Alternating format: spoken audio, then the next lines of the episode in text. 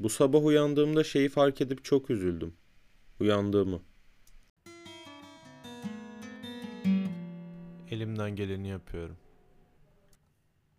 8. sınıfta devletten burs alıyordum. Her ay 300 lira geliyordu ve 2014'te 13 yaşında bir çocuğa verilen 300 lira büyük paraydı. Bir gün dershaneye giderken para çektim. Sınıftaki arkadaşlarıma kantinde langırt ısmarlamayı falan düşünüyordum. Dershanede bütün günü geçirdikten sonra cüzdanımda kartı göremeyince etrafı aramaya başladım. Bir yerde düşürmemiştim. Langırt esnasında bir yere fırlatmamıştım. Kimse de görmemişti. Sonra aklıma geldi ki para çektiğim bankamatik şimdikiler gibi davranmıyor ve parayı karttan önce veriyordu. Sonradan tekrar çıkarttırdım ama öyle olsa bile burs kartımı böyle kaybettim. Çocukken günde en az 80 sayfa kitap okuyordum ve canavar gibiydim yani. Bir gecede bir kitap bitirdiğim falan oluyordu. Şire'yi baştan sona 20 kere izleyebiliyordum. Dikkatim dağılmıyordu. Nedenini bilmiyorum ama lise 2'nin bitimine doğru ne doğru düzgün kitap okuyabildim ne de durdurup ara vermeden film izleyebildim. Kafamın içi ana akım bir sinema salonu gibiydi ve her şeyden önce her şeyin arasında ve sonunda uzun aralara ihtiyacım oluyordu. Kitap okurken bütün kelimeleri okuyordum. 5 sayfa gidiyordu ama hiçbir şey anlamıyordum. Nasıl oraya geldim bilmiyorum yani beynim sanki bir premium özelliği keşfettin der gibi anlama kapasiteme bloke koymuştu. Birçok kitabı okumuş gibi birçok filmi izlemiş gibi yapmaya başladım ben de bir süredir böyle gidiyor. Yani nasıl oldu bilmiyorum ama dikkat aralığımı böyle kaybettim. 11. sınıftayken domates yetiştiriyordum saksıda adı Feyyaz'dı. Çok kısa sürede çılgın gelişme gösterip bayağı uzamıştı bilmiyorum belki domateslerin doğası budur ama benim için etkileyiciydi. Ya suyunu veriyorum, güneşe koyuyorum falan derken çok eğlenmiştim bu domates bitkisine sahip olarak. Salonda pencerenin önünde dış tarafta duruyordu ve kanepede otururken perdeye düşen gölgesini görebiliyordum. Upuzun bir boyu vardı. Sağlıklı yeşil yapraklarıyla çok seviyordum yani bu domatesi. Bir gün salonda otururken gölgesi kımıldandı ve aşağı doğru küçüldü hızlıca. Yani sadece gölgesine baktığınızda bu şekilde betimlenebiliyordu.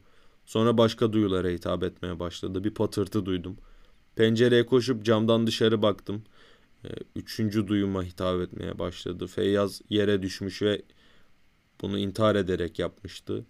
Ya bunu çok da yüksek olmayan birinci kattaki evimizin penceresinden atlayarak yapmıştı bir de. Saksısı parçalara ayrılmış, toprağa etrafa saçılmıştı. Yani bunun insana denk düşen hali kemiklerinin kırılması ve bir kan havuzunun içinde yatmak. Sonra kurtarmaya çalıştık ama ne çiçek açtı ne domates verdi ne de eski yeşilliği kaldı. Feyyaz'ı böyle kaybettim. Ablam İzmir'de yaşıyor ve düzenli olarak yeğenimi görmek için FaceTime'dan görüşüyoruz. Yeğenim de beni şimdiye kadar üç kez falan yüz yüze gördü bir buçuk senedir. Olanları da hatırlamıyordur muhtemelen. Ya sadece FaceTime'da gördüğünde he diyor ve geçen gün ablam beni aradığında yeğenim ağlıyordu. Sebebi de şu Ablam kıza fotoğrafımı gösteriyor. Kız ağlamaya başlıyor. Ablamın anlattığına göre beni özlemiş. Ama ablam da provoke ediyor. Nerede dayın? Dayı nerede falan diye. Dayı orada değil işte amına koyayım. Niye üzüyorsun kızı? Yani FaceTime'dan görüşüp etkileşime girince sakinleşti en azından. Yani sırf görmesi yetmedi. Biraz şebeklik yaptım tabii böyle. Aa ne haber? Aa sen yemek mi yiyorsun? Sen afiyet olsun çok tatlısın falan gibi şeyler söylüyorum. Bunları asla anlamıyor ama Muhtemelen ses tonumla ilgili olarak kesinlikle burada yaptığımdan daha şebekçe yaptığım ses tonumla ilgili olarak e, düzeldi. Yeğenimin gözünde ciddi yeri geldiğinde sert ama müthiş dayı olma potansiyelimi böyle kaybettim. Bir hafta önce bir kedi sahiplendim. Adı Füttün. Bana kibar davranmak için elinden geleni yapıyor benden uzak durmak gibi.'' Sonra biraz ısındı muhabbet ettik ve evin içinde beraber takılmaya başladık. Yine de Füttün'ün hep morali bozuk gibiydi yani. isteksiz yemek yiyip su içiyor, isteksiz ve sıvı sıçıyordu ve işediğine rastlamamıştım bile. Sonra kusmaya başladı. Evin sabit bir yerine birkaç kez önemli miktarda kustu. Veteriner kuzenimle, veterinerlik öğrencisi arkadaşımla ve kuzenimin veteriner arkadaşıyla konuştum falan derken bir tedaviye başlandı ama tedaviye yanıt vermeme olasılığının çok yüksek olduğunu öğrendim.'' Önümde şimdi iki seçenek var. Barınağa vermek veya uyutmak. Hangisini seçeceğim henüz bilmiyorum ama en azından elimde seçme şansı var. Ya diğer bir tarafta kedinin tedavisi için sahiplendiğim kişiye geri vermek var ve muhtemelen bunu yapacağım. Ya Feyyaz'ı şimdiden böyle kaybettim.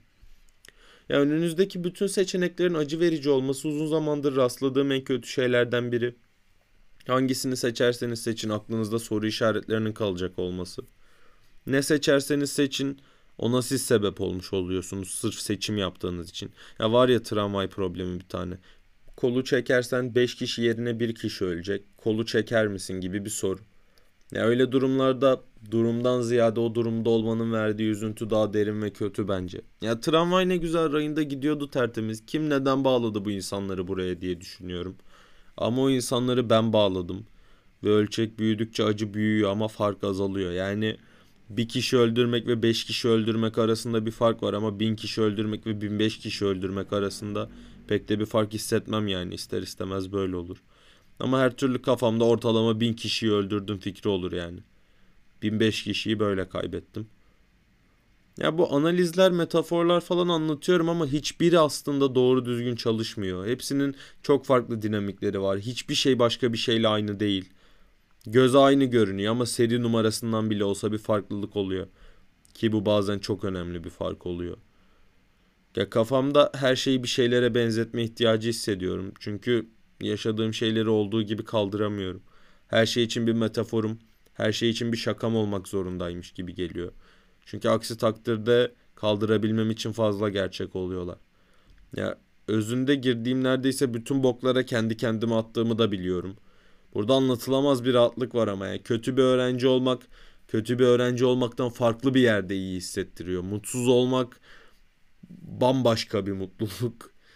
Uykusuzluk problemi çekmek de başka bir his hissettiriyor. Belki farklı olduğu için, belki bir problemin olduğu için nedenini anlamadığım bir şekilde bir rahatlık veriyormuş gibi geliyor. Ya çözemiyorum bu düğümleri bir türlü etrafından dolaşılmıyor. Ya açıkçası bunların dışında bir şey yazmak için cidden uğraştım. Ama bir süredir kafam bu tip şeylerle o kadar dolu ki size komik bir şey sunamadım pek. Yine de buranın içimi her türlü dökmek için işe yarar bir yer olduğunu ve birinizin bile azıcık da olsa umursama ihtimali olduğunu bilmek hoşuma gidiyor. O yüzden öyle yani. 11. bölüm bu kadardı. Bir sonraki bölümü ne zaman atarım bilmiyorum. Yeterince şanslıysak zamanında olması gereken yerde olur ama söz veremem. Söz verebildiğim zamana kadar su içmeyi unutmayın ve hoşça kalın. Ya hoşça kal desem de mesela geri döneceğimi biliyorsunuz değil mi?